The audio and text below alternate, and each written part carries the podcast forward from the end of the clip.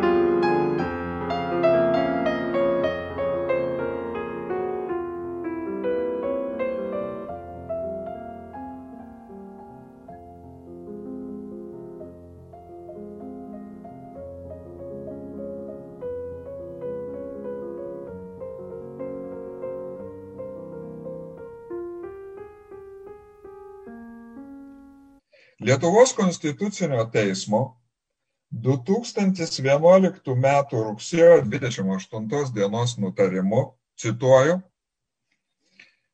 šeimos samprata negali būti kildinama tik iš santokos instituto ir dar kartą cituoju, yra kitokios nei santokos pagrindų šeimos. Kas nuo 2011 metų Lietuvoje yra šeima? Cituoju. Vyro ir moters bendras gyvenimas grindžiamas e, pastoviais emocinio prieraišumo, tarpusavio supratimo, atsakomybės, pagarbos, bendro vaikų auklėjimo ir panašiais ryšiais bei savanoriškų apsisprendimų priimti tam tikras teises ir pareigas. Citatos pabaiga. Nesunku pastebėti, kad šis lietuviškas šeimos apibrėžimas konstitucinio teismo pateisina poligamiją. Turbūt mormonai fundamentalistai e, Lietuvoje gali e, džiaugtis. Bet istorija tuo nesibaigia. 2019 metais tai yra prieš du metus, sausio 11 dieną Lietuvos konstitucinis teismas išplėtė tai šeimos sampratą. Jame teigiama, kad, cituoju, konstitucinė šeimos samprata be kita ko yra neutrali lyties požiūrį. Čia ačiū Tomui Dapkui, kuris man parodė šitą e, nelengvai randamą konstitucinio teismo nutarimą. Aš nesu konstitucinės teisės specialistas, tačiau šiuo nutarimu konstitucinis teismas dekonstravo pačią konstituciją, kurios 38 straipsnį yra aiškiai sakoma, kad, cituoju, cituoju, cituoju, santoka sudaroma laisvų ir laisvų vyro ir moters sutarimų. Kai jūs girdėjot, kad laisvų vyro ir moters sutarimų užrašyta konstitucijai, o 19 metais, cituoju, konstitucinė šeimos samprata yra neutrali lyties požiūrį. Tai yra, 2011 metais šeima Lietuvoje buvo atskirta nuo santokos o 2019 metais nuo lyties. Ir tai, būta, tai buvo padaryta devinių konstitucinio teismo teisėjai. Iš tikrųjų tam padaryti, iš tikrųjų konstitucijai pakeisti, reikėtų mažiausiai 300 tūkstančių piliečių parašų arba vieno ketvirtadalio Seimo narių grupės Ir čia dar ne viskas. Seime turėtų būti balsuojama du kartus su trijų mėnesių pertrauka ir ne mažiau kaip du trečdaliai Seimo narių. Tiesa, dar galima rinktis kitą variantą - referendumą. Bet nereikėjo nei vieno, nei kito konstitucinis teismas, kuris turi saugot konstituciją, lengva ranka padarė veiksmą, kuris mano neišprūsusiai galvai atrodo kaip konstitucijos pakeitimas.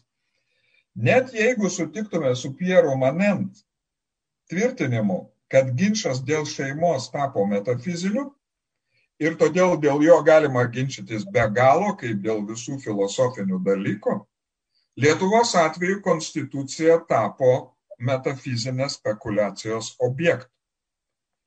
Tai jau ne metafizika, o tai pati tikriausia politika teisėjai pakeitė piliečius ir du, du trečdalius Seimo narių.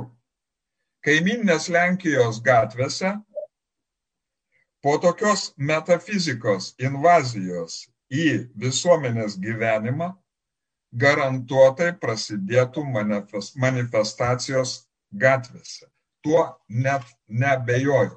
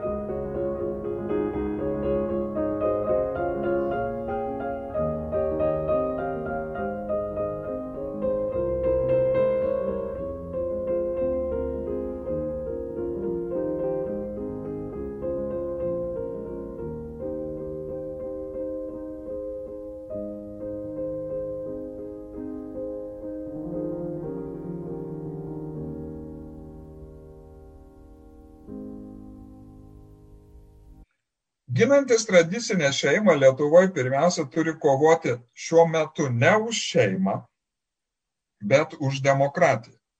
Nes teisinė kova už šeimą Lietuvoje jau yra pralaimėta. Nes neįmanoma laimėti prieš konstitucinį teismą, nes jo nutarimai yra galutiniai ir neapskundžiami. Pieras Manent nepastebėjo vieno svarbaus dalyko. Santokos visiems idėjos metafizikai netiki, kad galima rasti nekintamus moralės pagrindus. Ir mano, kad viskas yra relatyvu. Tačiau šito relativumo jie netaiko patys savo. Viskas yra Lietuvoje dabar relatyvu, išskyrus konstitucinio teismo požiūrį, kuris yra absoliutus. Nu, tai yra, aš nekalbu apie teisinę pusę, metafizika ši yra diskriminacinė, nes tarp lygių atsiranda lygesnis, o iš tikrųjų nelygus. Jeigu pripažinsim, kad nėra nei santoka grindžiamos šeimos, nėra. Nei vyro ir moters sąjunga grindžiamos šeimos, tokios jau Lietuvoje nėra, nes jinai yra neutrali lyčiai, tai rezultatas yra netikėtas. Iš vis nelieka jokios šeimos sampratos. Ginti šeimą pasidaro taip pat pagrista, kaip ir ją neigt. Tiek ginsi šeimą, tiek neiksi šeimą. Iš vis kažkokius niekus turi, turi kalbėti. Na, principas už šeimą pasidaro toks pat geras arba blogas, kaip ir principas jokios šeimos. Tačiau kuo rėmėsi Lietuvos konstitucinis teismas? Jeigu konstitucinis teismas mano apgynęs seksualinių mažumų teisę į šeimą, tai yra klaidingas įsitikinimas, nes lyčiai neutrali šeima jau yra ne šeima, o, cituoju, emocinis prisirišimas, tarpusavio supratimas ir pagarba. Taip kad aš jūs sveikinu, pagal mūsų lietuvišką šeimos supratimą, mes su jum esam šeima. Aš atėjau ne į konferenciją, bet atėjau į šeimą. Na, logiškai dabar mes turim tokią situaciją. Kodėl diskusija apie šeimą baigėsi šeimos prasmės išnykimu? Mano galva tai buvo nesunkiai numanomas dalykas. Nuo pat savo atsiradimo politinis liberalizmas, pabrėžiu, politinis liberalizmas, jis turėjo būti neutralus moralės atžvilgių. Jis ir buvo neutralus moralės atžvilgių. Tai reiškia, kad jis anksčiau ar vėliau turėjo būti neutralus ir šeimos atžvilgių. Kitais žodžiais, nėra tiesos apie šeimą ir yra tik nuomonės apie šeimą, kurios priklauso nuo atskirų individų. Liberalai neturi savo moralės filosofijos, tą dalyką reikėtų daugiau laiko įrodyti. Jie neturi savo moralės filosofijos tikrąją žodžio prasme, nes leidžia kiekvienam turėti savo moralės filosofiją. Kai liberalioje visuomenėje iškyla klausimas apie šeimą, liberalai vienu metu sako taip ir ne. Priklauso, koks jūs esate liberalas. Liberali visuomenė apie šeimą leidžia vienu metu sakyti du priešingus įsitikinimus. Leidžia sakyti taip ir ne. Vienu metu. Ir būtent šitą dalyką galima perskaityti jau aukščiausiam lygiai konstitucinio teismo. Šeima su lytimi ir šeima be lyties yra taip ir ne. Panorėję mes galim sakyti, kad esam už šeimą tradicinę, kuri vadinama tradicinė, ir kartu galim būti prieš. Įsivaizduokit, politiškai aš galiu sakyti, kad e, aš e, esu neutralus šeimos atžvilgiu, o moraliai sakyti, kad aš esu už tradicinę šeimą arba kitokią šeimą. Na, mano galva, aš kažkaip neprisimenu, tai per visą moralės filosofijos istoriją yra analogų neturintis reiškinys, kurį galima apibūdinti kaip e, taip buvimą ne, taip yra kartu ne ir nebuvimą taip. Na, keiščiausia, jog visa tai daroma norint apginti laisvę. Visa tai yra oficialiai daroma ginant laisvę. Niekas neturi manyti, kad tradicinė šeima yra blogesnė už lyčiai neutralią šeimą. Tačiau būtinai turi pripažinti, kad niekas neįrodė, kad yra kažkokia geresnė šeimos forma. Tai yra, viskas priklauso nuo individo pasirinkimo. Jeigu individas šiandien pasirinktų santoką su kompiuteriu, tai būtų šeima pagal mūsų dabartinį šeimos teisinį apibrėžimą. Dabar mes esam už bet kurią šeimos formą ir galima apseit be šeimos. Galiojo garsusis Polo Feyerabendo principas anything goes, bet visiš, visiškai netoj vietoj, apie kurią kalbėjo Polas Feyerabendas.